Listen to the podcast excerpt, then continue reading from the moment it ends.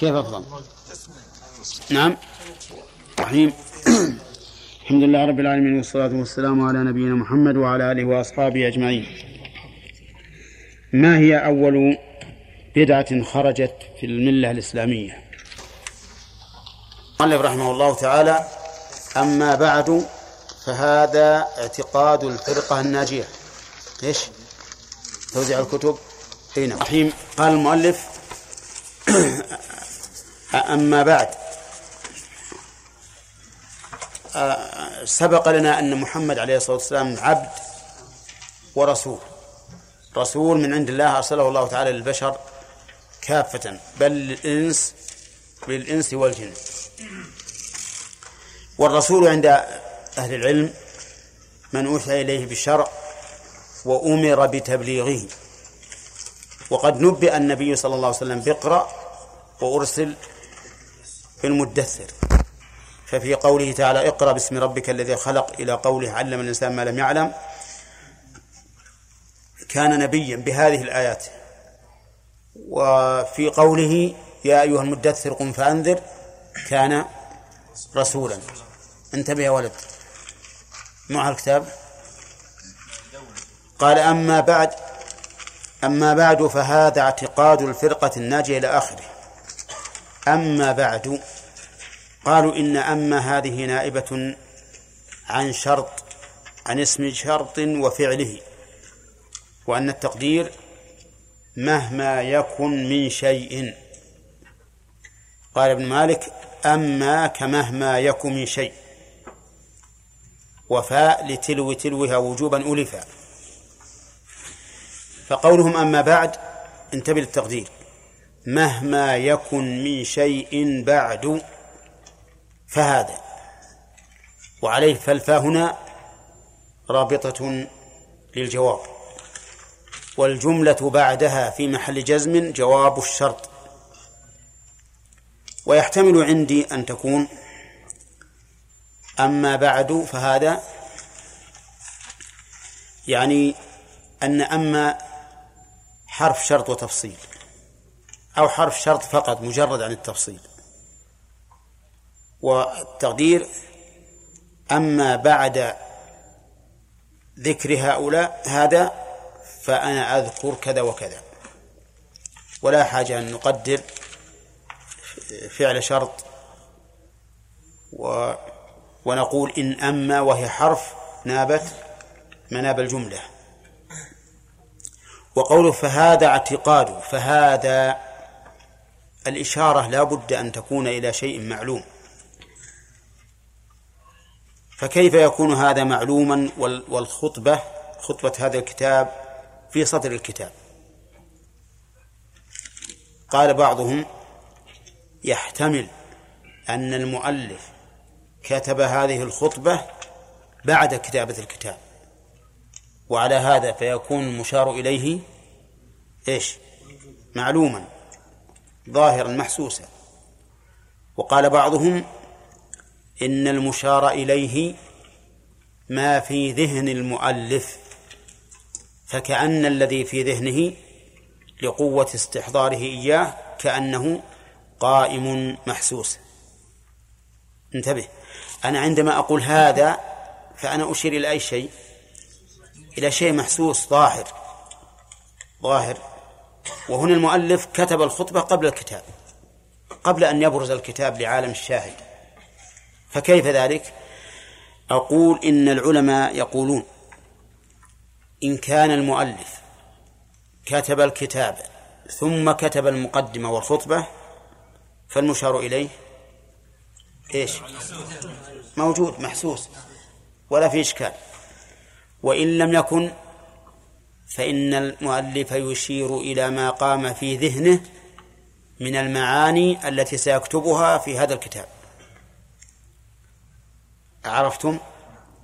طيب عندي فيه وجه ثالث وهو أن المؤلف قال هذا باعتبار حال المخاطب والمخاطب لم يخاطب بذلك إلا بعد أن برز الكتاب وصدر الكتاب. فكأنه يقول فهذا الذي بين يديك. كذا وكذا. فهذه إذن كم وجها؟ ثلاثة أوجه. أما بعد فهذا اعتقاد الفرقة الناجية. اعتقاد هو من حيث التصريف افتعال من العقد وهو الربط. الربط والشد. هذا من حيث التصريف اللغوي. افتعال منين؟ من العقد وهو الشد والربط. وأما في, في الاصطلاح عندهم فهو حكم الذهن الجازم. هذا الاعتقاد. اعتقدت كذا يعني معناه جزمت به في قلبي. فهو حكم الذهن الجازم. فإن طابق الواقع فصحيح. وإن خالف الواقع ففاسد. اعتقادنا أن الله إله واحد. آه. اعتقاد النصارى أن الله ثالث ثلاثة باطل لأنه مخالف للواقع. نعم. فإذا الاعتقاد لغة من العقد وهو الشد والربط. وأن تعرفون العقدة ولا لا؟ طيب. في الاصطلاح حكم الذهن الجازم فإن طابق الواقع فصحيح وإن خالف فباطل. واضح؟ ووجه ارتباطه بالمعنى اللغوي ظاهر لأن هذا الذي حكم في قلبه على شيء ما كأنه عقده عليه وشده عليه بحيث لا ينفلت منه. وقال المؤلف الفرقة الفرقة بالكسر الفاء بمعنى الطائفة. قال الله تعالى فلولا نفر من كل فرقة منهم طائفة. وأما الفرقة بالضم فهي مأخوذة من الافتراق الفرقة يعني الطائفة الناجية اسم فاعل من نجا إذا سلم. ناجية من أي شيء؟ ناجية في الدنيا من البدع سالمة منها وناجية في الآخرة من النار. ووجه ذلك أن النبي صلى الله عليه وسلم قال وستفترق هذه الأمة على ثلاث وسبعين فرقة كلها في النار إلا واحدة. قالوا من هي يا رسول الله؟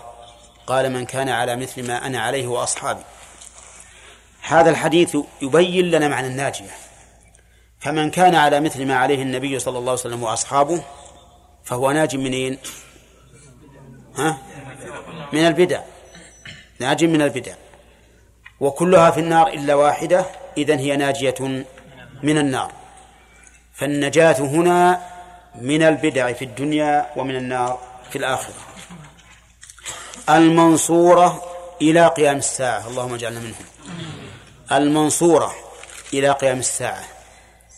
منصورة وعبر المؤلف بذلك موافقة للحديث حيث قال النبي عليه الصلاة والسلام لا تزال طائفة من أمتي على الحق منصورة والذي ينصرها هو الله وملائكته والمؤمنون ينصر بعضهم بعضا والملائكة تؤيد المؤمن وتثبته قال الله تعالى إذ يوحي ربك إلى الملائكة أني معكم فثبتوا الذين آمنوا سألقي في قلوب الذين كفروا الرعب فهي منصورة إلى قيام الساعة منصورة من الرب عز وجل ومن الملائكة ومن عباده المؤمنين حتى قد ينصر الإنسان من الجن ينصره الجن ويرهبون عدوه. نعم. وقوله إلى قيام الساعة يعني إلى يوم القيامة. فهي منصورة إلى قيام الساعة. وهنا يرد إشكال وهو أن الرسول عليه الصلاة والسلام أخبر بأن الساعة تقوم على شرار الخلق. وأنها لا تقوم حتى لا يقال الله الله. يمحى الإسلام. فكيف نجمع بين هذا وبين قول المؤلف إلى قيام الساعة والجواب أن يقال إن المراد إلى قرب قيام الساعة أو إلى قيام الساعة أي ساعتهم وهو موتهم لقوله حتى يأتي أمر الله لأن من مات فقد قامت قيامته لكن الأول أقرب فهم منصورون إلى قرب قيام الساعة وإنما لجأنا إلى هذا التأويل لدليل. والتأويل بدليل جائز لأن الكل من عند الله. إلى قيام الساعة وهو الإيمان. إلى أهل السنة والجماعة. أهل السنة والجماعة.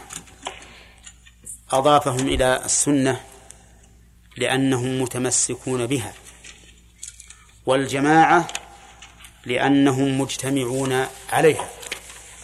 فإن قلت كيف يقول أهل السنة والجماعة؟ لأن هم جماعة. فكيف يضاف الشيء إلى نفسه؟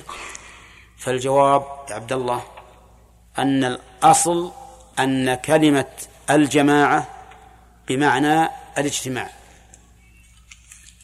بمعنى الاجتماع. فهي اسم مصدر. هذا في الأصل.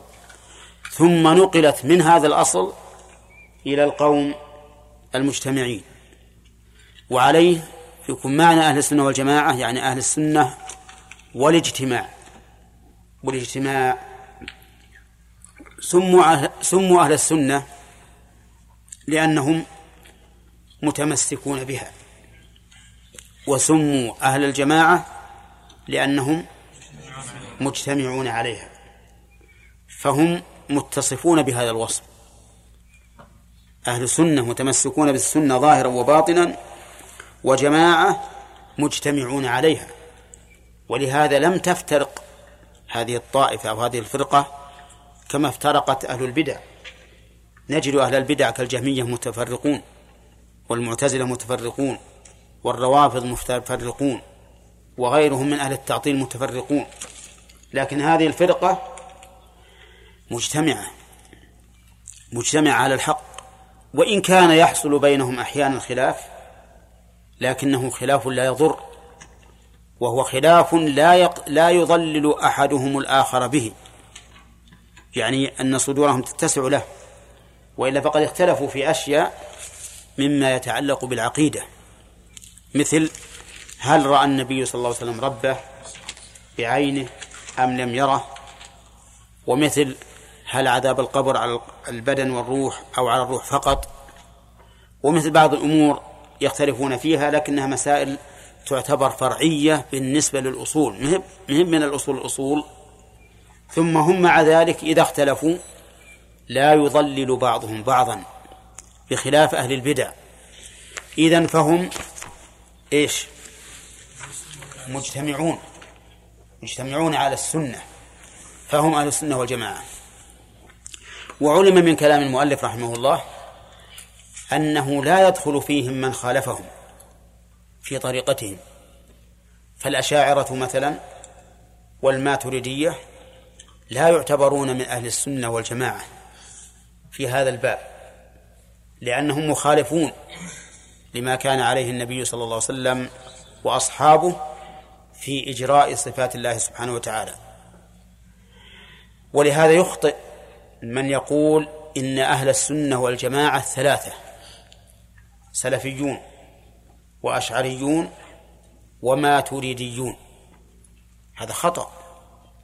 نقول كيف يكون الجميع أهل سنة وهم مختلفون ماذا بعد الحق إلا الضلال؟ وكيف يكونون أهل سنة وكل واحد يرد على الآخر؟ هذا لا يمكن. إلا إذا أمكن الجمع بين الضدين فنعم. وإلا فلا بد وإلا فلا شك أن أحدهم هو صاحب السنة. فمن هو؟ الأشعرية الماتريدية السلفية؟ نشوف. من وافق السنة فهو صاحب السنة. ومن خالف السنة فليس صاحب سنة. واضح؟ فنحن نقول السلف هم أهل السنة والجماعة ولا يصدق الوصف على غيرهم أبدا. والكلمات تعتبر بمعانيها. فلننظر كيف نسمي من خالف السنة أهل السنة. لا يمكن. وكيف يمكن أن نقول هؤلاء ثلاث طوائف مختلفة؟ نقول هم مجتمعون. أين الاجتماع؟ فأهل السنة والجماعة إذن هم السلف. السلف زمنا أو السلف معتقدا؟ السلف معتقدا. حتى المتأخر إلى يوم القيامة إذا كان على طريقة النبي عليه الصلاة والسلام وأصحابه فإنه سلفي فإنه سلفي. إذن من أهل السنة والجماعة؟ أنا بجيب وخطئوني أو صوبوني أهل السنة والجماعة السلفيون والأشعريون والماتريديون. خطأ. خطأ طيب. أهل السنة والجماعة السلفيون. صح, صح. السلفيون. طيب. إذن أهل السنة بعد. أهل السنة والجماعة هم الذين على ما كان عليه النبي صلى الله عليه وسلم وأصحابه فقط. ومن خالفهم فلا. قال وهو الإيمان بالله وملائكته وكتبه ورسله واليوم والبعث بعد الموت والإيمان بالقدر خيره وشره. هذه العقيدة أصلها لنا النبي صلى الله عليه وسلم.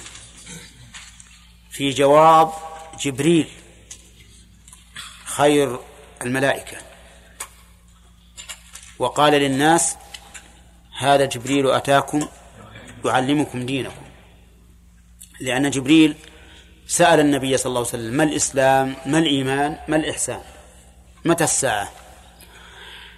في الإيمان قال له أن تؤمن بالله وملائكته وكتبه ورسله واليوم الآخر والقدر خيره وشره. الإيمان بالله. الإيمان في اللغة يقول كثير من الناس إنه في اللغة التصديق. التصديق. فصدقت وآمنت معناهما لغة واحد. وقد سبق لنا ونحن نتكلم على إيش؟ تفسير أو النونية. أنه لا يصح أن يقال إن الإيمان في اللغة التصديق. بل الإيمان في اللغة إيش؟ الإقرار بالشيء عن تصديق به. الإقرار بالشيء عن تصديق به. بدليل أن أنك تقول آمنت بكذا أقررت بكذا صدقت فلانا ولا تقول آمنت فلانا. ولا لا؟ إذن فالإيمان يتضمن معنى زائدا على مجرد التصديق وهو الإقرار والاعتراف المستلزم للقبول للأخبار والإذعان للأحكام. هذا الإيمان. مجرد أن تؤمن بأن الله موجود مو إيمان. حتى يكون هذا الإيمان مستلزما للقبول في الأخبار ها؟ والإذعان في الأحكام وإلا فليس إيمانا. الإيمان بالله يتضمن أربعة أمور. الإيمان بوجوده سبحانه وتعالى والإيمان بربوبيته يعني الانفراد بالربوبية والإيمان بانفراده بالألوهية والإيمان بأسمائه وصفاته. الإيمان بأسمائه وصفاته. لا يمكن يتحقق الإيمان إلا بذلك. فمن لم يؤمن بوجود الله فليس بمؤمن. ومن آمن بوجود الله لا برب لا بانفراده بالربوبية فليس بمؤمن. ومن آمن بالله وانفراده بالربوبية لا بالألوهية فليس بمؤمن. ومن آمن بالله وانفراده بالربوبية وبالألوهية لكن لم يؤمن بأسمائه وصفاته فليس بمؤمن. وإن كان الأخير فيه من يسلب عنه الإيمان بالكلية وفيه من يسلب عنه كمال الإيمان. طيب. الإيمان بوجوده إذا قال قائل ما ما الدليل على وجود الله عز وجل؟ ما الدليل على وجود الله؟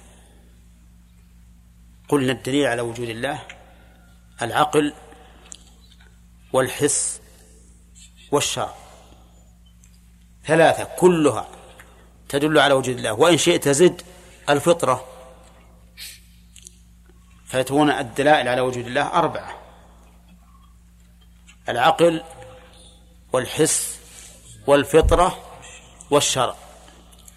أخرنا الشرع لا لأنه لا يستحق التقديم لكننا لكن لأننا نخاطب من لا يؤمن بالشرع. نتكلم الآن لنفرض أن نتكلم مع من لا يؤمن بالشرع. فنبين له أولا بالعقل. نقول له مثلا وجود هذه الكائنات بنفسها أو بموجد أو وجدت هكذا صدفة. الآن ما تحتم ما تحتمل الأمر رابعا إما أنها وجدت بنفسها. يعني هي التي أوجدت نفسها. أو وجدت صدفة بس يعني انبتت نبات كذب. أو بموجد. أوجدت نفسها مستحيل عقلا ولا غير مستحيل؟ عقلا. كيف؟ أوجدت نفسها. مستحيل عقلا فكروا يا أخي. تراكم أنتم افرضوا أنفسكم أمام ملحد. مستحيل عقلا كيف ذلك عبد الرحمن؟ لأنه الذي يعني غير موجود لا يمكن أن يوجد. صح. يعني غيره. نعم. ما يوجد غيره ولا نفسه. ما دامت هي أن معدومة. كيف تكون موجدة وهي معدومة؟ المعدوم لا شيء ليس بشيء حتى يوجد. إذن لا يمكن أن توجد نفسها بنفسها. طيب وجدت صدفة هكذا؟ يستحيل ولا ما يستحيل؟ ما يجيكم عفريت من الروس يقول ما يستحيل. ها؟ نقول يستحيل. أنت أيها الروسي هدى الله رأسك للإسلام ولا قطعه.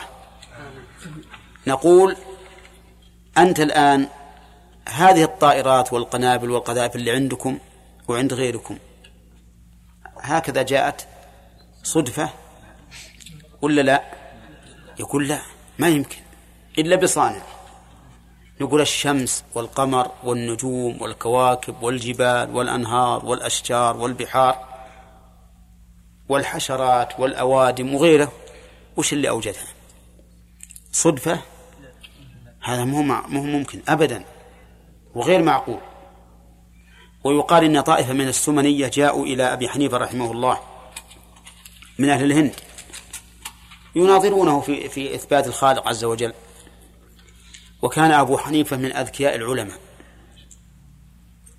ففكر مليا قال أو أظن وعدهم بعد أن يأتوا بعد يوم أو يومين فجاءوا. قالوا ماذا قلت؟ قال الله أنا أفكر في سفينة سفينة مملوءة من البضائع والأرزاق جاءت تشق عباب الماء حتى أرست في الميناء ونزلت الحمولة وذهبت. وهي ما فيها قائد ولا فيها حمالين. قالوا شو فكر بهذا. قال أفكر. قال إذا ما ما لك عقل. معقول سفينة تجي بدون قائد وتحمل وتنزل وتنصرف. ما هو معقول هذا. قال طيب كيف لا تعقلون هذا؟ وتعقلون أن هذه السماوات والشمس والقمر والنجوم والجبال والشجر والدواب والناس كلها بدون صانع. كيف تعقلون هذا؟ فعرفوا عرفوا أن الرجل خاطبهم بعقولهم وقيل لأعرابي أعرابي بدوي.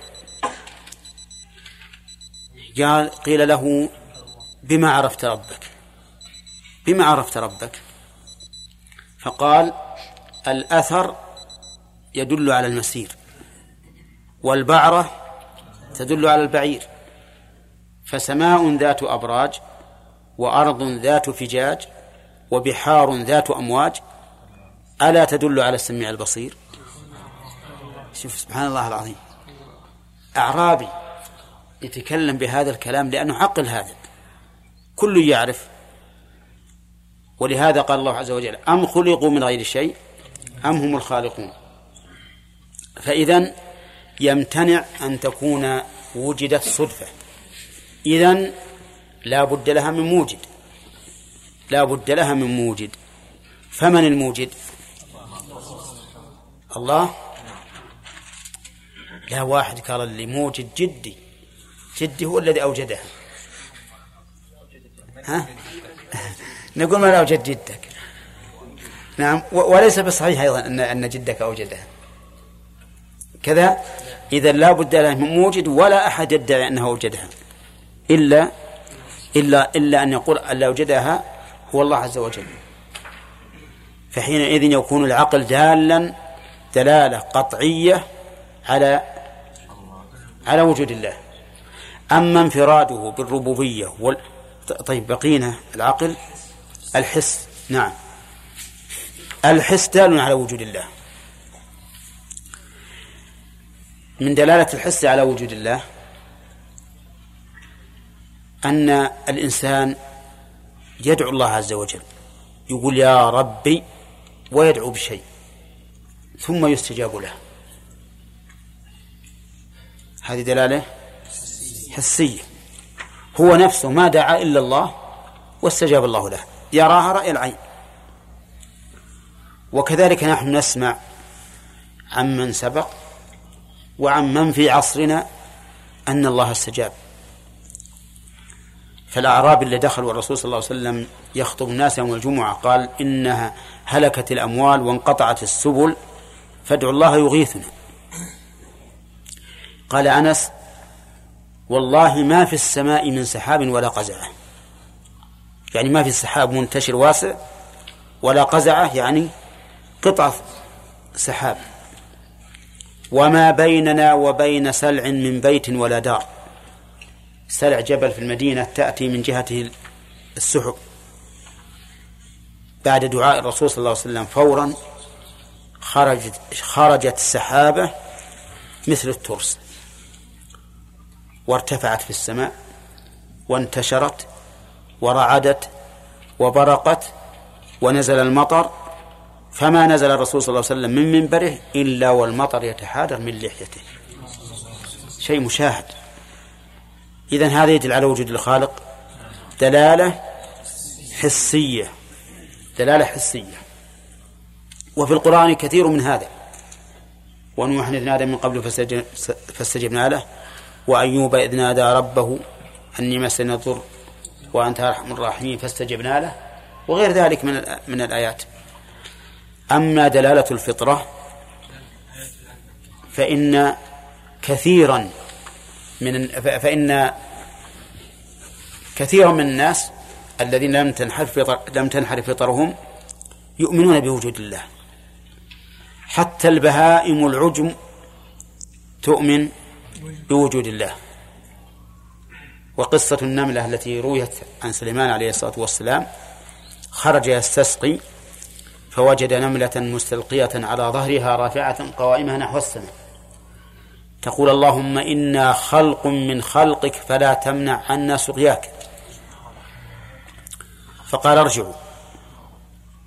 فقد سقيتم بدعوة غيركم. فالفطر مجبولة.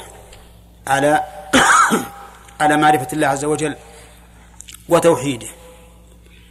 وقد أشار الله تعالى إلى ذلك في قوله وإذ أخذ ربك من بني آدم من ظهورهم ذريتهم وأشهدهم على أنفسهم ألست بربكم؟ قالوا بلى شهدنا. أن تقولوا يوم القيامة إنا كنا عن هذا غافلين؟ أو تقولوا إنما أشرك آباؤنا من قبل وكنا ذرية من بعدهم. فهذه الآية تدل على أن الإنسان مجبول بفطرته على شهادته بوجود الله وربوبيته. سواء قلنا إن الله استخرجهم من من, من ظهر آدم واستنطقهم أو قلنا إن هذا هو ما ركب الله تعالى في فطرهم من الإقرار به. فإن الآية تدل على أن الإنسان يعرف ربه بفطرته. هذه أدلة أربعة على وجود الله سبحانه وتعالى. والذي لديه السؤال يسأل الآن. نعم. الإيمان بالله وملائكته. ملائكته. الملائكة جمع ملأك. وأصل ملأك مألك لأنه من الألوكة والألوكة في اللغة العربية الرسالة. قال الله تعالى جاعل الملائكة رسلا. فالملائكة نقول في تعريفهم شرعا هم عالم غيبي. خلقهم الله عز وجل من نور وجعلهم طائعين له متذللين له ولكل منهم وظائف خصه الله بها. نعلم من وظائفهم اولا جبريل موكل بالوحي ينزل به من الله تعالى إلى الرسل أو الأنبياء. ثانيا إسرافيل موكل بنفخ الصور وهو أيضا أحد حملة العرش. ثالثا ميكائيل موكل بالقطر والنبات. وهؤلاء الثلاثة كلهم موكلون بما فيه حياة الإنسان. ولهذا كان النبي صلى الله عليه وسلم يتوسل بربوبية الله لهم في دعاء الاستفتاح في صلاة الليل. فيقول اللهم رب جبرائيل وميكائيل وإسرافيل فاطر السماوات والأرض عالم الغيب والشهادة أنت تحكم بين عبادك فيما كانوا فيه يختلفون. اهدني لما اختلف فيه من الحق بإذنك إنك تهدي من تشاء إلى صراط مستقيم. كان يستفتح بها صلوات الله وسلامه عليه في صلاة الليل. كذلك نعلم أن أن منهم من وكل بقبض أرواح الإنسان بني آدم أو بقبض روح كل ذي روح. وهم وهم ملك الموت وأعوانه. ملك الموت وأعوانه. ولا يسمى عزرائيل لأنه لم يثبت عن النبي عليه الصلاة والسلام أن اسمه هذا. طيب ملك الموت وأعوانه موكلون بقبض الأرواح. قال الله تعالى حتى إذا جاء أحدكم الموت توفته رسلنا وهم لا يفرطون. وقال تعالى قل يتوفاكم ملك الموت الذي وكل بكم. وقال تعالى وهو الذي يتوفاكم بالليل. و و وقال تعالى الله يتوفى الأنفس حين موتها. ولا ولا منافاة بين هذه الآيات الثلاث. فإن الملائكة تقبض الروح. إذ أن ملك الموت إذا أخرجها من البدن وإذا عنده ملائكة نزلوا إن كان الرجل من أهل الجنة اللهم اجعلنا منهم فهو يكون معهم حنوط من الجنة وكفن من الجنة يأخذون هذه الروح الطيبة ويجعلونها في هذا الكفن ويصعدون بها إلى الله عز وجل حتى تقف بين يدي الله. ثم يقول اكتبوا كتاب عبدي في عليين وأعيدوه إلى الأرض. فترجع الروح إلى الجسد من أجل الاختبار من ربك وما دينك وما نبيك ومن نبيك. إن كان الميت غير مؤمن والعياذ بالله فإنه ينزل ملائكة معهم كفن من النار وحنوط من النار. يأخذون الروح والعياذ بالله يجعلونها في هذا الكفن ثم يصعدون بها إلى السماء. فتغلق أبواب أبواب السماء دونها والعياذ بالله. ثم ترجع إلى الأرض. ترجو إلى الأرض وتلا قوله تعالى ومن يشرك بالله فكأنما خر من السماء فتخطفه الطير أو تهوي به الريح في مكان سحيق. ثم يقول الله اكتبوا كتاب عبدي في سجين. نسأل الله العافية. هؤلاء موكلون بقبض الروح من ممن من؟ ملك الموت. من ملك الموت إذا قبضها.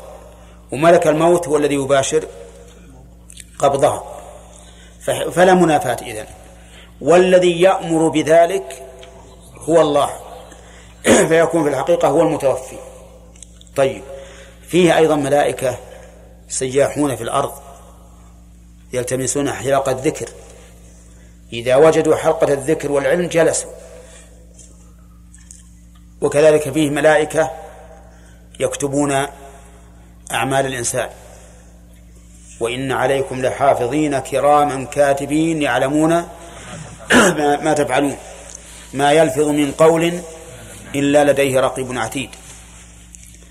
دخل أحد أصحاب الإمام أحمد عليه وهو مريض رحمه الله فوجده يئن يئن من المرض. فقال له يا أبا عبد الله تئن. وقد قال طاووس طاووس من التابعين. قد قال طاووس إن الملك يكتب حتى أنين المريض. لأن الله يقول ما يلفظ من قول إلا لديه رقيب عتيد. فجعل أبو عبد الله يتصبر الإمام أحمد وترك الأنين. ترك الأنين لأن كل شيء يكتب. كل شيء تقوله يكتب. ما يلفظ من قول من هذه زائدة لتوكيد العموم. أي قول تقوله يكتب. لكن عاد قد تجاز عليه بخير أو بشر. هذا حسب القول الذي قيل.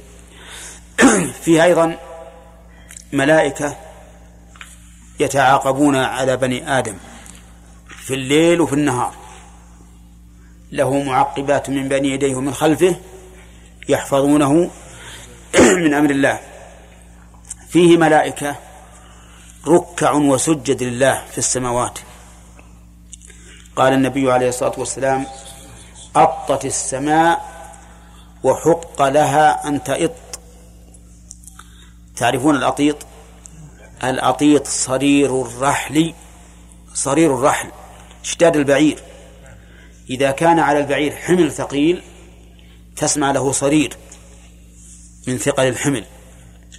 فيقول الرسول عليه الصلاة والسلام أطت السماء وحق لها أن تئط ما من موضع أربع أصابع منها إلا وفيه ملك قائم لله أو رافع أو ساجد.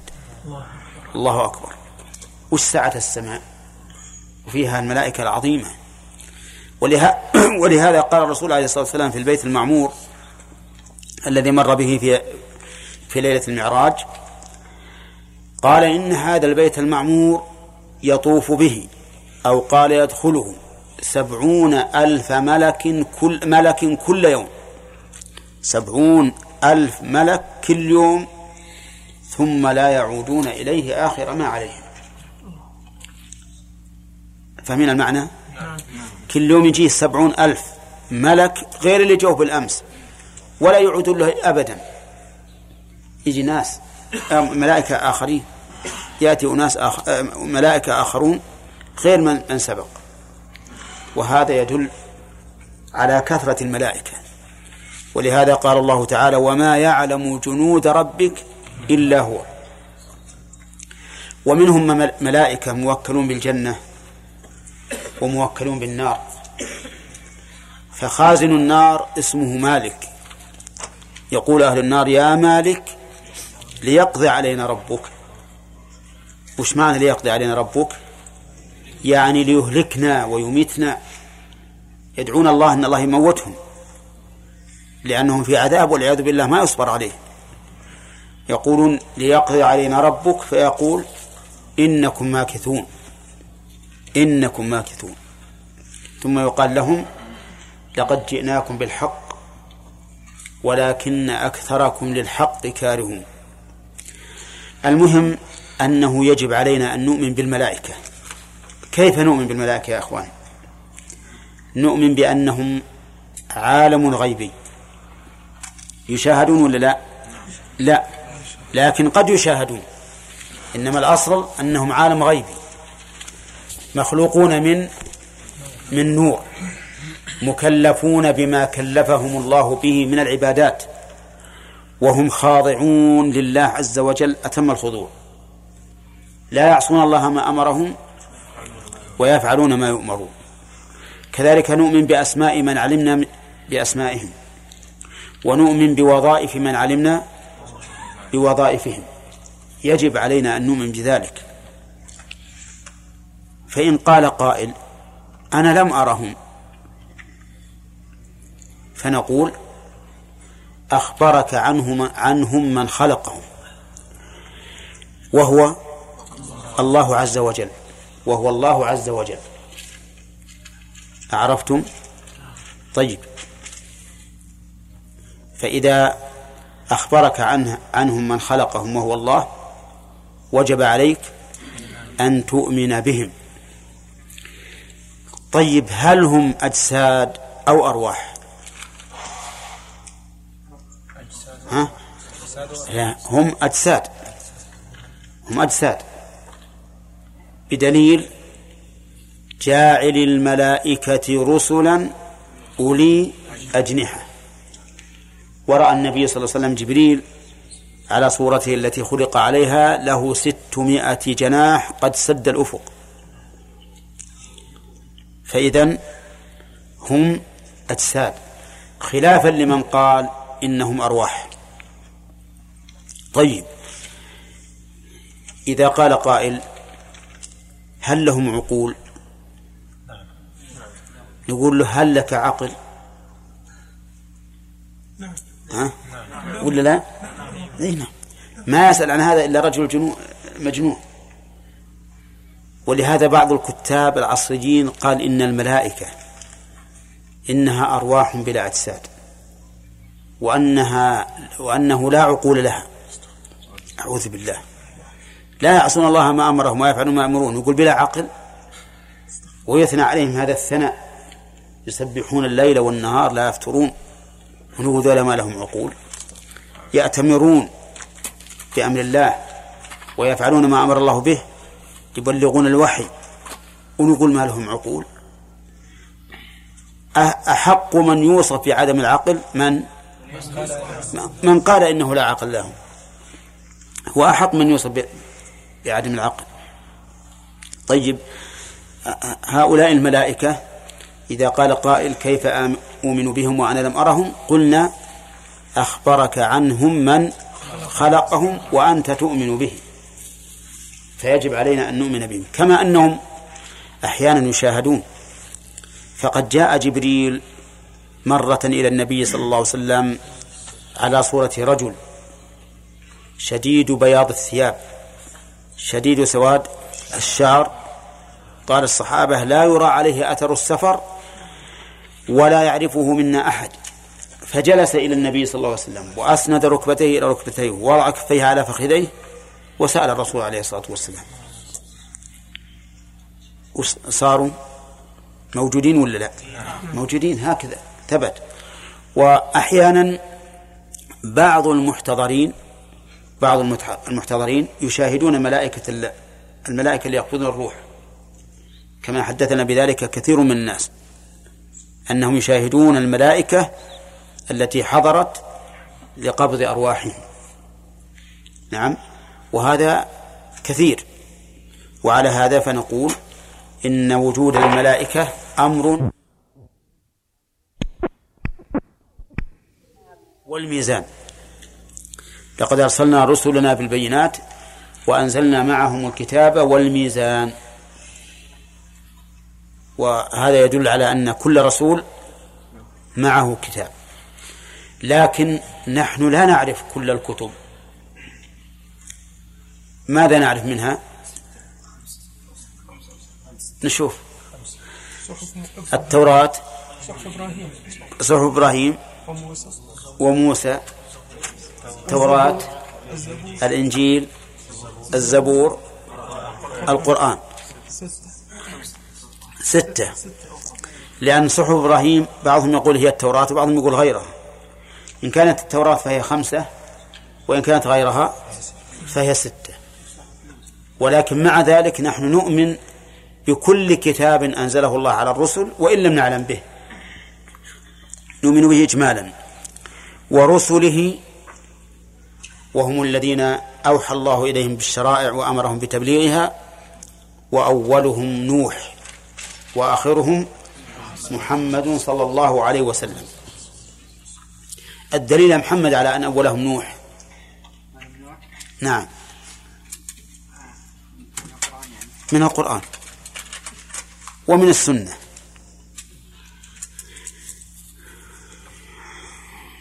عبد الرحمن.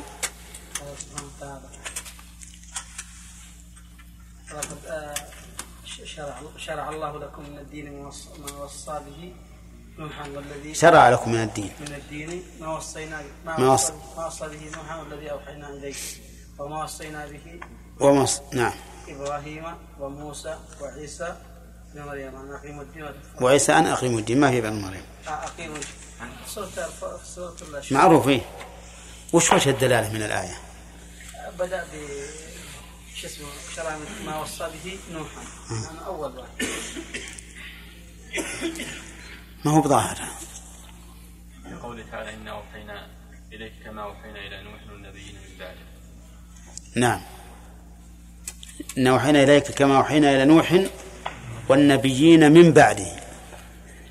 يعني وحيا كإيحائنا إلى نوح والنبيين من بعده وهو وح- وهو وحي رسالة طيب في آية ثانية؟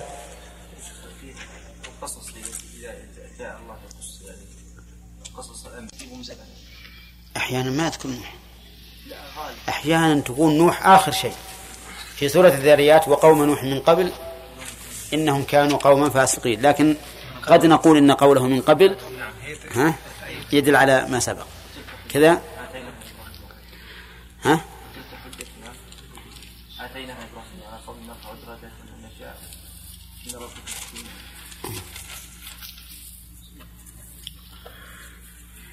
ولقد أرسلنا نوحا وإبراهيم وجعلنا في ذريتهما النبوة والكتاب. في ذريتهما. واللي قبل نوح ما يكون من ذريته. إذا من القرآن ثلاثة أدلة. تدل على إيش؟ على أن نوحا أول الرسل. ومن السنة ما ثبت في حديث الشفاعة أن أهل الموقف يقولون آه، لنوح أنت أول رسول أرسله الله إلى أهل الأرض. أنت أول رسول أرسله الله إلى أهل الأرض. وهذا صريح. أما آدم عليه الصلاة والسلام فهو نبي وليس برسول. إدريس ذهب كثير من المؤرخين أو أكثر المؤرخين وبعض المفسرين أيضا إلى أنه قبل نوح وأنه من أجداده. لكن هذا قول ضعيف جدا والقرآن والسنة ترده. بل الصواب ما ذكرنا. آخرهم محمد عليه الصلاة والسلام. لقوله تعالى ولكن رسول الله وخاتم النبيين ولم يقل وخاتم المرسلين لماذا؟ لأنه إذا ختم النبوة ختم الرسالة من باب أولى. ومن ثم نعرف خطأ بعض الناس الذين يقولون محمد خاتم الرسل. كذا؟ نقول الأفضل أن تقول خاتم النبيين. وإن كان قد يصح خاتم الرسل باعتبار أن الرسل والنبي أن أنه خاتم للجميع. وعلى كل حال فآخر الأنبياء والمرسلين محمد صلى الله عليه وسلم. فإن قلت عيسى عليه الصلاة والسلام ينزل في آخر الزمان وهو رسول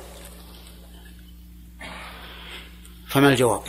يحكم نقول نعم هو لا ينزل بشريعة جديدة وإنما يحكم بشريعة النبي صلى الله عليه وسلم بشريعة النبي صلى الله عليه وسلم طيب إذا قال قائل من المتفق عليه أن خير هذه الأمة بعد نبيها أبو بكر. بعد نبيها خير هذه الأمة بعد نبيها أبو بكر.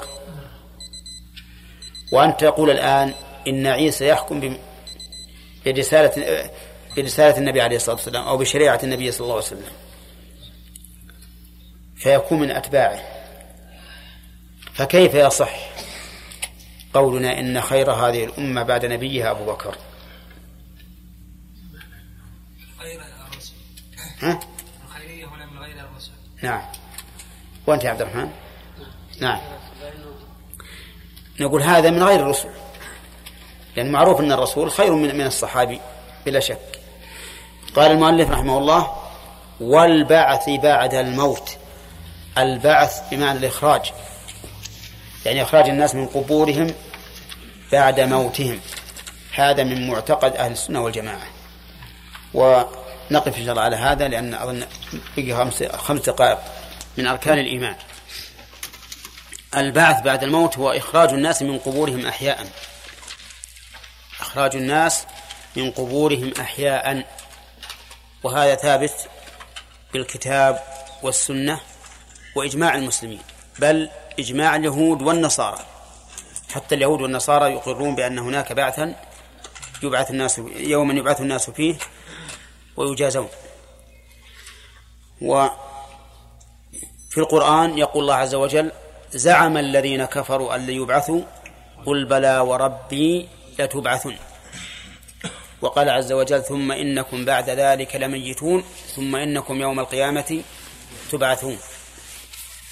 وأما في السنة فثبتت الأحاديث متواترة عن النبي صلى الله عليه وسلم في ذلك وأجمع المسلمون على هذا إجماعا قطعيا. وأن الناس سيبعثون يوم القيامة ويلاقون ربهم ويجازون بأعمالهم.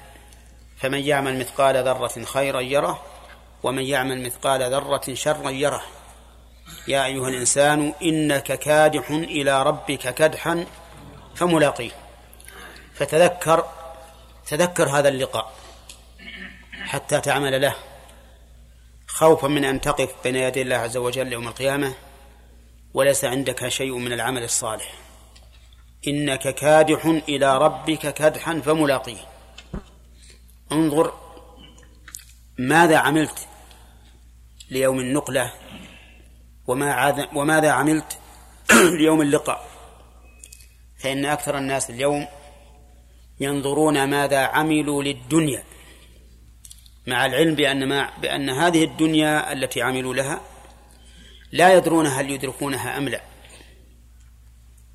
قد يخطط الإنسان لعمل دنيوي يفعله غدا أو بعد غد ولكنه لا يدرك لا غدا ولا بعد غد. لكن العمل الم... لكن الشيء المتيقن أكثر الناس في غفلة من هذا. قال الله تعالى بل قلوبهم في غمرة من هذا. وأعمال الدنيا يقول ولهم أعمال دون من دون ذلك هم لها عاملون. أعمال الآخرة قلوبهم في غمرة منغمرة غافلة. لكن أعمال الدنيا ولهم أعمال من دون ذلك هم لها. شوف قدم المعمول ليفيد الحصر. هم لها عاملون. وقال تعالى لقد كنت في غفلة من هذا. يعني يوم القيامة. فكشفنا عنك غطاءك فبصرك اليوم حديد. هذا البعث الذي اتفقت عليه الأديان السماوية وكل متدين بدين هو أحد أركان الإيمان الستة وهو من معتقد من معتقدات أهل السنة والجماعة. ولا ينكره أحد من من ممن ينتسب إلى ملة أبدا. وقوله والإيمان بالقدر خيره وشره. هذا أيضا الركن السادس الإيمان بالقدر خيره وشره. القدر هو تقدير الله عز وجل للأشياء. وقد كتب الله مقادير كل شيء قبل أن يخلق السماوات والأرض بخمسين ألف سنة. كما قال الله تعالى ألم تعلم أن الله يعلم ما في السماء والأرض؟ إن ذلك في كتاب إن ذلك على الله يسير. وقول خيره وشره أما وصف القدر بالخير فالأمر فيه ظاهر وأما وصف القدر بالشر فالمراد به شر المقدور لا شر القدر الذي هو فعل الله. فإن فعل الله عز وجل ليس فيه شر كل أفعاله خير وحكمة. لكن الشر في مفعولاته ومقدوراته. فالشر هنا باعتبار المقدور والمفعول. أما باعتبار الفعل فلا.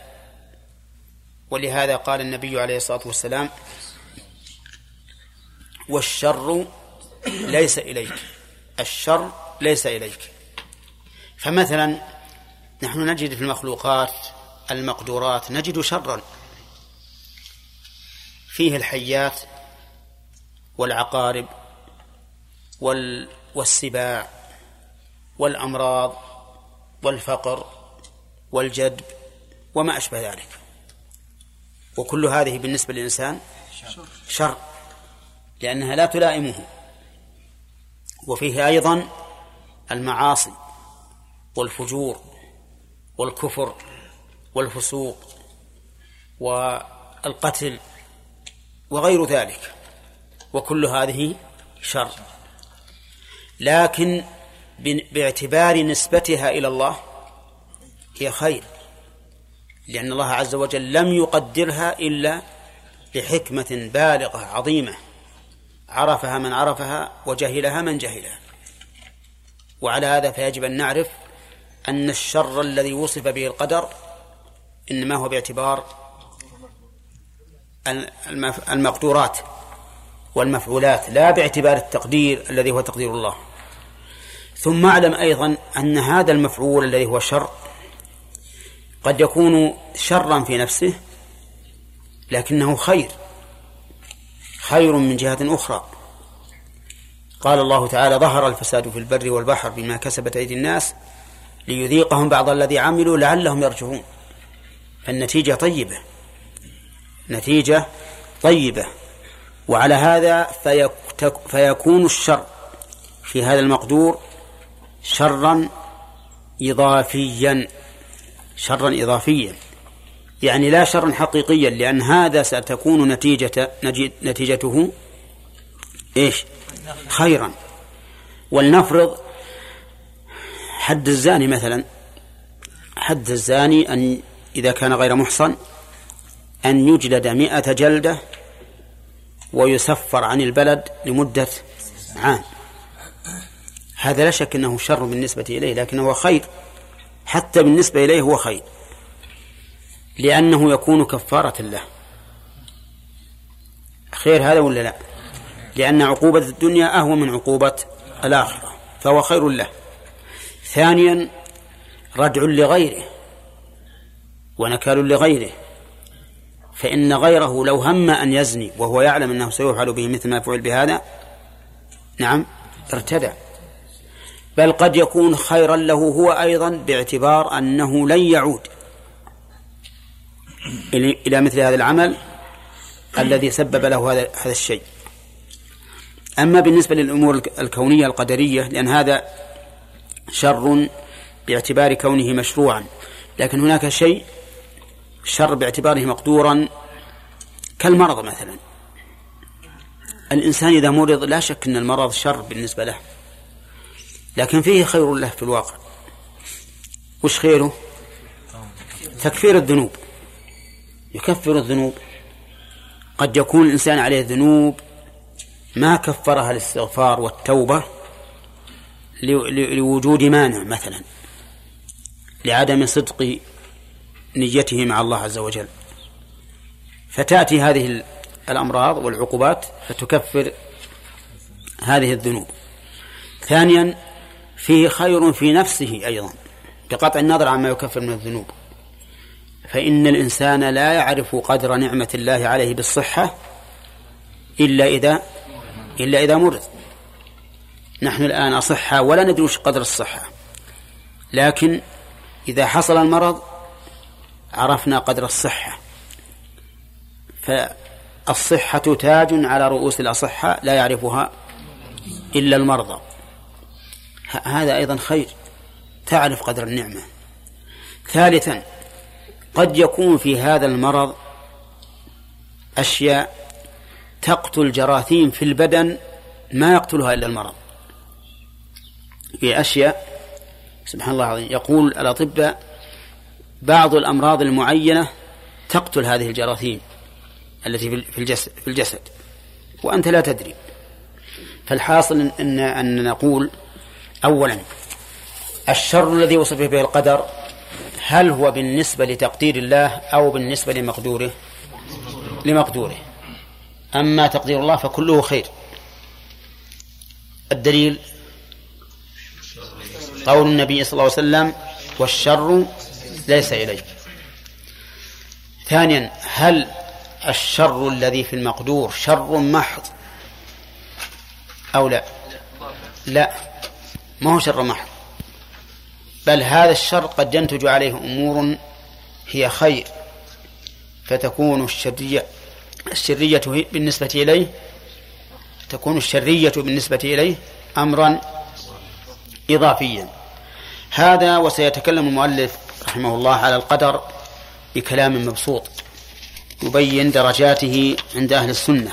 ثم قال ومن الإيمان بالله الإيمان بما وصف به نفسه بما وصف به نفسه في كتابه وبما وصفه به رسوله صلى الله عليه وسلم. هذا من الإيمان بالله. وقوله من الإيمان من هنا للتبعيض. لأننا ذكرنا أن الإيمان بالله يتضمن كم أمرا؟ ها؟ أربعة أمور. الإيمان بوجوده وانفراد بالربوبية وبالألوهية وبالأسماء والصفات. إذن فمن في كلام المؤلف للتبعيض. يعني بعض الإيمان بالله الإيمان بما وصف به نفسه. وقول بما وصف به نفسه في كتابه. ينبغي أن يقال وسمى به نفسه. بما وصف وسمى به نفسه. نعم. لكن المؤلف رحمه الله ذكر الصفة فقط إما لأنه ما من اسم إلا وقد تضمن صفة أو لأن الخلاف في الأسماء خلاف ضعيف خلاف ضعيف ما أنكره إلا غلاة الجهمية والمعتزلة فالمعتزلة يثبتون الأسماء والأشاعرة كذلك والماتريدية يثبتون الأسماء لكن يخالفون أهل السنة في ماذا؟ في الصفات. فنحن الآن نقول لماذا اقتصر المؤلف على ما وصف له في نفسه؟ نقول لأحد أمرين. إما لأن كل اسم يتضمن صفة وإما لأن الخلاف في الأسماء قليل بالنسبة للمنتسبين للإسلام. وقوله بما وصف به نفسه في كتابه. كتابه يعني القرآن. وسماه الله تعالى كتابا لأنه مكتوب في اللوح المحفوظ ومكتوب في الصحف التي بأيدي السفرة الكرام البررة ومكتوب كذلك بين الناس يكتبونه في المصاحف. فهو كتاب بمعنى مكتوب وأضافه الله إليه لأنه كلامه سبحانه وتعالى. فالقرآن هذا كلام الله تكلم به حقيقة فكل حرف منه فإن الله قد تكلم به. هذا كتابنا ينطق عليكم بالحق. طيب من الإيمان بالله الإيمان بما, وصف به نفسه. ووجه ذلك أن الإيمان بالله كما سبق يتضمن الإيمان بأسمائه وصفاته. ثانيا أن الأسماء والصفات هي من ذات الله عز وجل. فإن ذات الله تسمى بأسماء وتوصف بأوصاف ووجود ذات مجردة عن الأوصاف أمر مستحيل. لا يمكن أن توجد ذات مجردة عن الأوصاف أبدا. ما هو ممكن؟ قد يفرض الذهن أن هناك ذاتا مجردة من الصفات في ذهنك لكن الفرض ليس كالأمر الشاهد في الخارج. يعني المفروض ليس كالمشهود. فما يو فلا يوجد في الخارج يعني في الواقع المشاهد ذات ليس لها صفات أبدا. صح ولا لا؟ أما ما يفرضه الذهن فهذا أمر ليس بعبرة. الذهن قد يفرض مثل شيئا. له ألف عين. في كل ألف عين ألف سواد. والفين بياض. وله ألف رجل. في كل رجل ألف إصبع. في كل إصبع ألف ظفر. نعم. وله ملايين الشعر. في كل شعرة ملايين الشعر. وهكذا. يفرض له ما له واقع أليس كذلك؟ لكن الشيء الواقع لا يمكن أن يوجد شيء بدون صفة. لهذا كان الإيمان بصفات الله من الإيمان بالله. لو لم يكن من, من, من, من الإيمان بالله لو لم يكن من صفات الله إلا أنه موجود. واجب الوجود. موجود واجب الوجود. هذا باتفاق الناس. وعلى هذا فلا بد أن يكون له صفة. ثم أعلم أن صفات الله عز وجل من الأمور الغيبية. من الأمور الغيبية. والواجب على الإنسان نحو الأمور الغيبية أن يؤمن بها على ما جاءت دون أن يرجع إلى شيء سوى النصوص. قال الإمام أحمد لا يوصف الله إلا بما وصف به نفسه أو وصفه به رسوله لا يتجاوز القرآن والحديث. ودلالة ذلك يعني أننا لا نصف الله إلا بما وصف به نفسه من القرآن والعقل. ففي القرآن يقول الله عز وجل قل إنما حرم ربي الفواحش ما ظهر منها وما بطن والإثم والبغي بغير الله بغير الحق وأن تشركوا بالله ما لم ينزل به سلطانا وأن تقولوا على الله ما لا تعلمون. فإذا وصفت الله بصفة لم يصف الله بها نفسه فقد قلت عليه ما لا تعلم. وهذا محرم بنص القرآن. دليل آخر يقول الله عز وجل ولا تقف ما ليس لك به علم. إن السمع والبصر والفؤاد كل أولئك كان عنه مسؤولا. إذن لو وصفنا الله بما لم يصف به نفسه نعم لكنا قفونا ما ليس لنا به علم فوقعنا فيما نهى الله عنه. أما الدليل العقلي فلأن صفات الله عز وجل من الأمور الغيبية ولا يمكن في الأمور الغيبية أن يدركها العقل. نحن الآن لا ندرك ما وصف الله به نعيم الجنة مع أنه مخلوق ولا لا؟ في الجنة فاكهة ونخل ورمان وسرر وأكواب ولا لا؟ ونساء حور.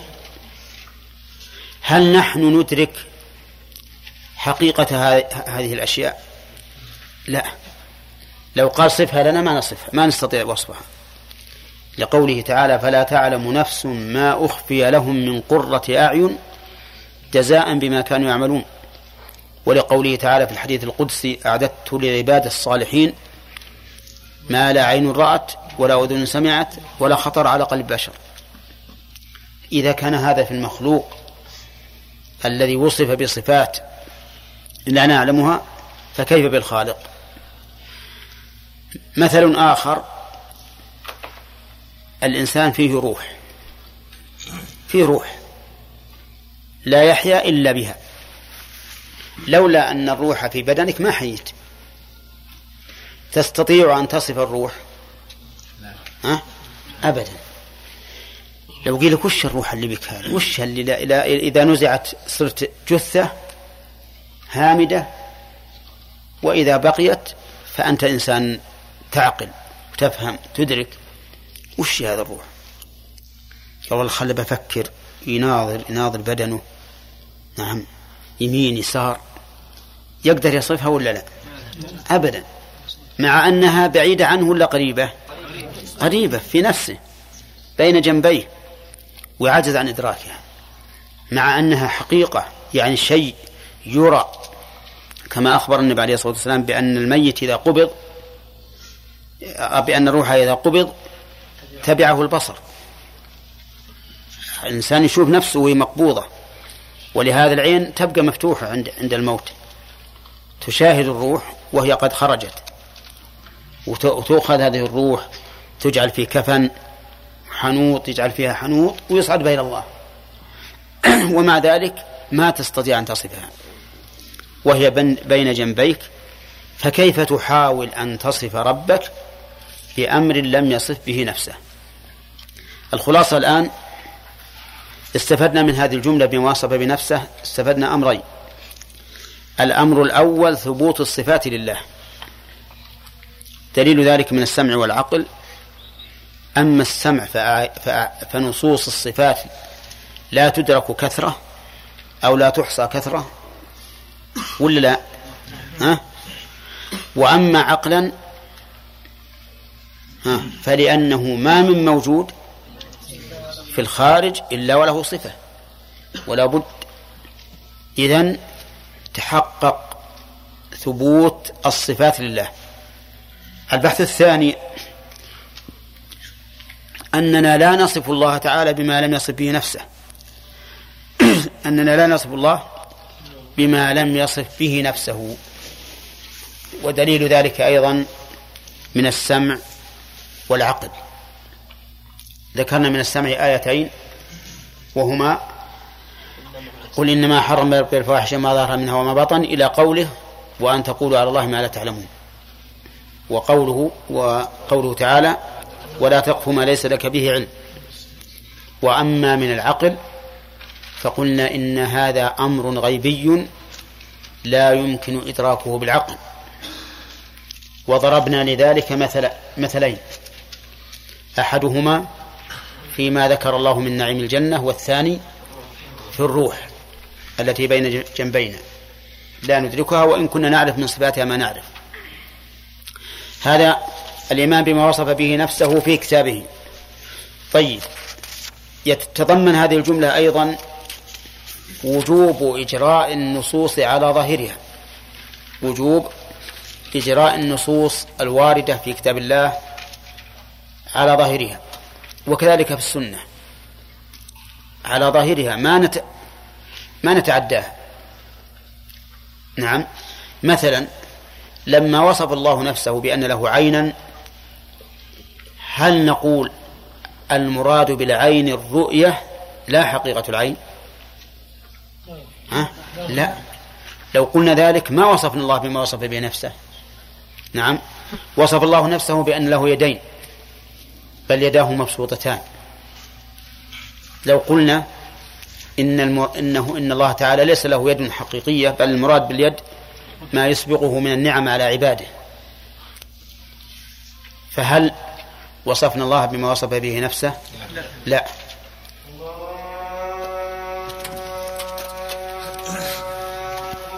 الله. ولا أربعة؟ أربع مباحث ولا ثلاثة؟ ثلاثة. البحث الرابع عموم كلام المؤلف يشمل كل ما وصف الله به نفسه من الصفات اللازمة والطارئة. والصفات المعنوية والصفات الخبرية. نعم. يشمل كل ما وصف الله به نفسه من الصفات اللازمة.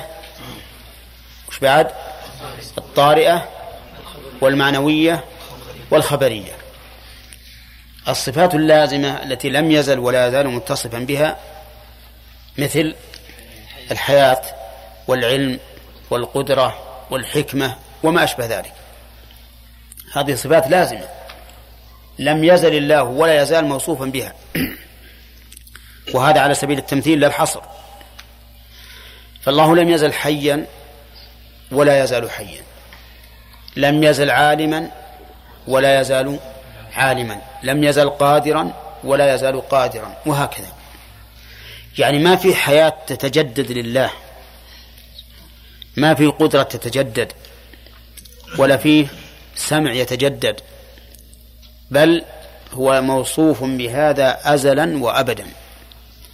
وتجدد المسموع لا يستلزم تجدد السمع ولا لا؟ المسموع يتجدد ولا ما يتجدد؟ ها؟ يتجدد. معلوم يتجدد. سبحانه وتعالى سمع الأذان عند عند حدوث الأذان. ولا لا؟ لكن المس لكن السمع لا يتجدد. أنا مثلا عندما أسمع الأذان الآن هل معناه أنه حدث لي سمع جديد عند سماع الأذان؟ لا. سمعي لم يزل منذ خلقه الله عز وجل في لكن المسموع يتجدد وهذا لا أثر له في الصفة. الصفات اللازمة اصطلح العلماء رحمهم الله على أن يسموها الصفات الذاتية. الصفات الذاتية. ليش؟ قالوا لأنها ملازمة للذات. ملازمة للذات لا تنفك عنها. طيب الصفات الطارئة هي الصفات التي لها أسباب. أسباب مقرونة بها. مثل الرضا. رضا الله عز وجل. هذا صفة طارئة ولا لازمة؟ ها؟ طارئة؟ متى؟ إذا وجد سبب الرضا رضي كما قال تعالى ولا إن, إن تكفروا فإن الله غني عنكم. ولا يرضى لعباده الكفر. وإن تشكروا يرضه لكم. المحبة نعم من الصفات الطارئة. الكلام طارئ باعتبار آحاده لكن باعتبار أصله لازم لأن الله لم يزل ولا يزال متكلما لكنه يتكلم بما شاء متى شاء. يتكلم بما شاء متى شاء. كما سأل إن شاء الله تعالى في بحث الكلام. لكن أنا أذكر الآن على سبيل التمثيل. اصطلح الفقهاء رحمهم الله أن العلماء أن يسموا هذه الصفات صفات الأفعال. الصفات الفعلية. الصفات الفعلية. وهي الصفات الطارئة. مثل الرضا والمحبة والكراهة والبغض والاستواء على العرش والنزول إلى السماء الدنيا والإتيان للفصل يوم القيامة وما أشبه ذلك. هذه تسمى صفات فعلية فعلية لأنها من فعل سبحانه وتعالى. فهي صفات فعلية. لها أدلة من القرآن. إي نعم لها أدلة كثيرة من القرآن. وجاء ربك والملك صفا صفا. نعم. هل ينظرون إلا, إلا أن تأتيهم الملائكة أو يأتي ربك؟ رضي الله عنهم ورضوا عنه ولكن كره الله بعاثهم فثبطهم. سخط الله أن سخط الله عليهم وفي العذاب هم خالدون. وأمثلتها كثيرة. هذه تسمى الصفات الفعلية لأنها تتجدد وتحدث بحسب مقتضي مقتضياتها. طيب هل في هذا نقص لله عز وجل؟ ها؟ أبدا. هذا من كماله. أن يكون فاعلا لما يريد. يكون فاعلا لما يريد. هذا من, من الكمال. وأولئك القوم المحرفون يقولون هذا من النقص ولهذا ينكرون جميع الصفات الفعلية. أعوذ بالله. يقولون ما هو بيجي ولا يرضى ولا يسخط ولا يكره ولا يحب. ينكرون كل هذه. طيب الصفات الخبرية. الصفات الخبرية هي التي تثبت عن طريق الخبر وكل ما ثبت من صفات الله عن طريق الخبر لكن هذه مسماها بالنسبة لنا أجزاء وأبعاض انتبه. مسمى هذه الصفات بالنسبة لنا أجزاء وأبعاض اليد. صفة معنوية؟ أسألكم معنوية؟ لا, لا ما هي معنوية؟ إلا عند أهل التحريف اللي يقولون اليد هي إرادة الإحسان أو ما أشبه ذلك أو القوة. نقول اليد صفة خبرية لثبوتها عن طريق الخبر دون العقل. لكن مسماها لنا أجزاء وأبعاض. فهل نقول إنها جزء من الله أو بعض من الله؟ لا. أهل السنة يتحاشون هذا. يقول لا يجوز أن نصف الله بأن له بعضا أو جزءا لأن هذا ما جاء في القرآن. نقول بأن له يدا يقبض بها ويبسط بها. بأن له قدما يضعها على جهنم وتقول هل قط قط. بأن له عينا يبصر بها. أفهمتم الآن؟ طيب. هذه تسمى عندهم إيش؟ الصفات الخبرية. ما ضابطها؟ هي التي مسماها ها؟ أبعاض وأجزاء بالنسبة إلينا. اليد ها؟ القدم العين الوجه نعم. وهكذا. الساق أيضا. هذه تسمى صفات خبرية. فصار طيب. هنا قلنا بالأول صفات لازمة طارئة معنوية خبرية. المعنوية تدخل في الصفات الذاتية وفي الصفات الفعلية. فمثل الرضا معنوي. والسمع معنوي. لكن اليد ليس صفة معنوية بل هي صفة خبرية نظيرها بالنسبة إلينا. أستغفر الله ما أقول نظيرها مسماها بالنسبة إلينا أبعاض وأجزاء. طيب هذه أربعة مباحث في قوله ما وصف به نفسه. المبحث الخامس المعنوية مثل الرضا والمحبة والغضب والسخط والسمع والبصر. طيب المبحث الخامس على قوله ما وصف به نفسه في كتابه أن العقل لا مدخل له في باب الأسماء والصفات. أن العقل لا مدخل له في باب الأسماء والصفات.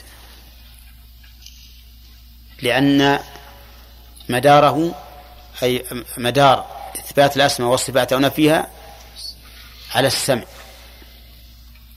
مداره على السمع. عقولنا ما تحكم على الله أبدا. فالمدار على السمع. خلافا للأشعرية والمعتزلة والجهمية وغيرهم من أهل التعطيل الذين جعلوا المدار في إثبات الصفات أو نفيها إيش؟ على العقل. على العقل. فقالوا ما اقتضى العقل إثباته؟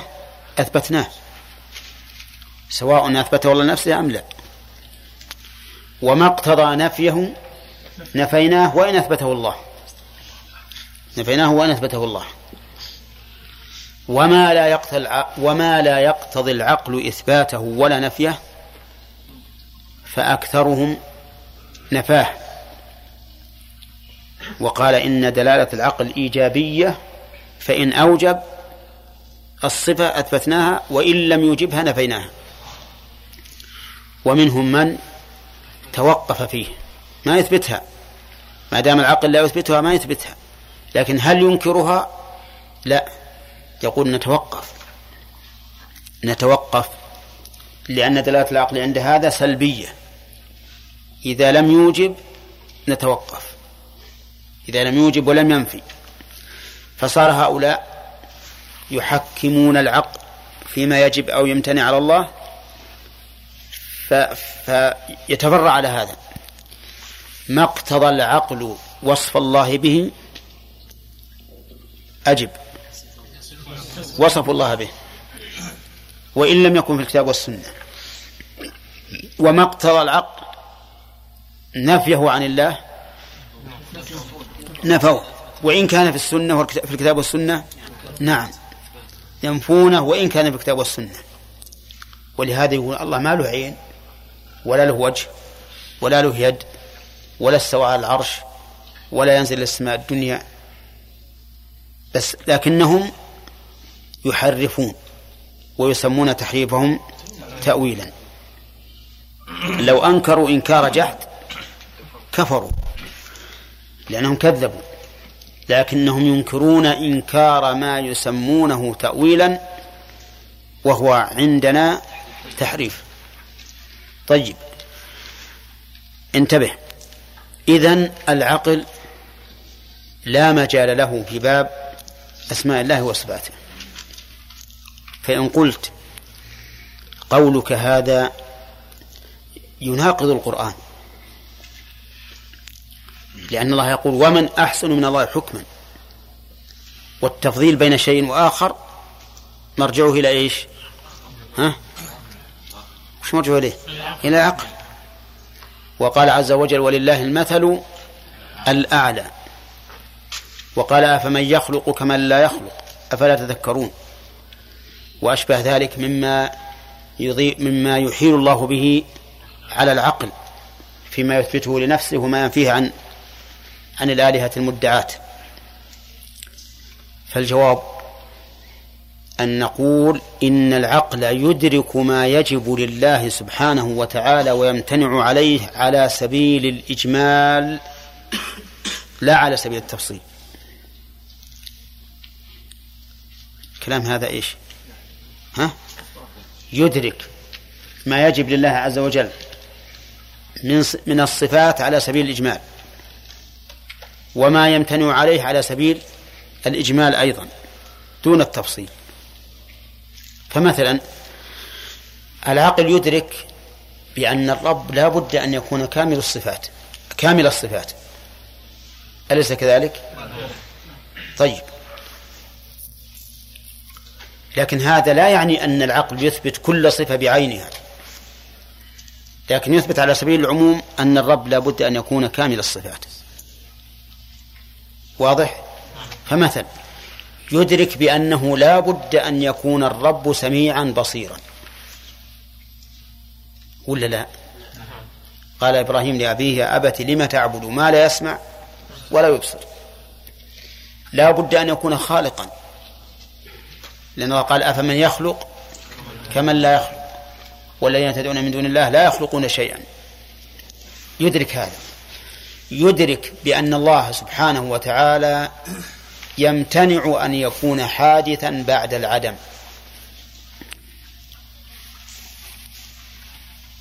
أولى يدرك هذا؟ وش؟ ها؟ ل... نعم لأنه نقص. ولقوله تعالى محتجا على هؤلاء الذين يعبدون الأصنام والذين تدعون من دون الله لا يخلقون شيء يدعون من دون الله لا يخلقون شيئا وهم يخلقون. لا يخلقون وهم يخلقون. إذا يمتنع أن يكون الخالق حادثا بالعقل. عرفت؟ طيب. العقل أيضا يدرك بأن كل صفة نقص فهي ممتنعة على الله. ممتنعة على الله. ولا لا؟ لأن الرب لا بد أن يكون كاملا.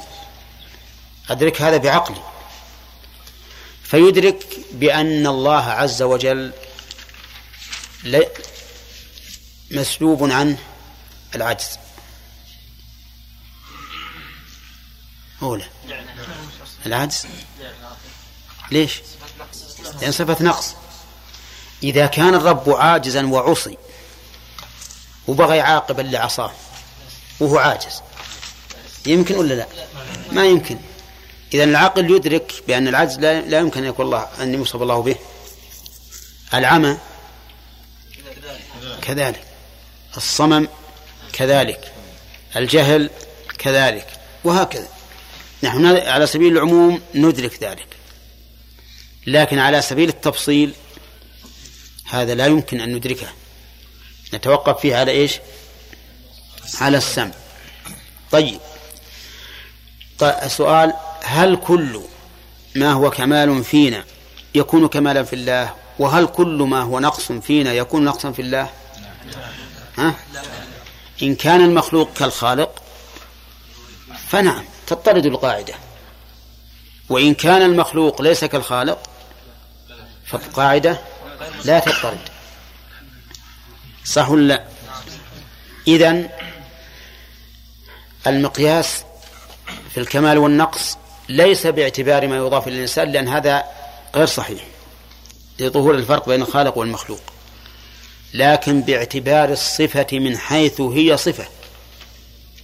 باعتبار الصفة من حيث هي صفة فكل صفة كمال فهي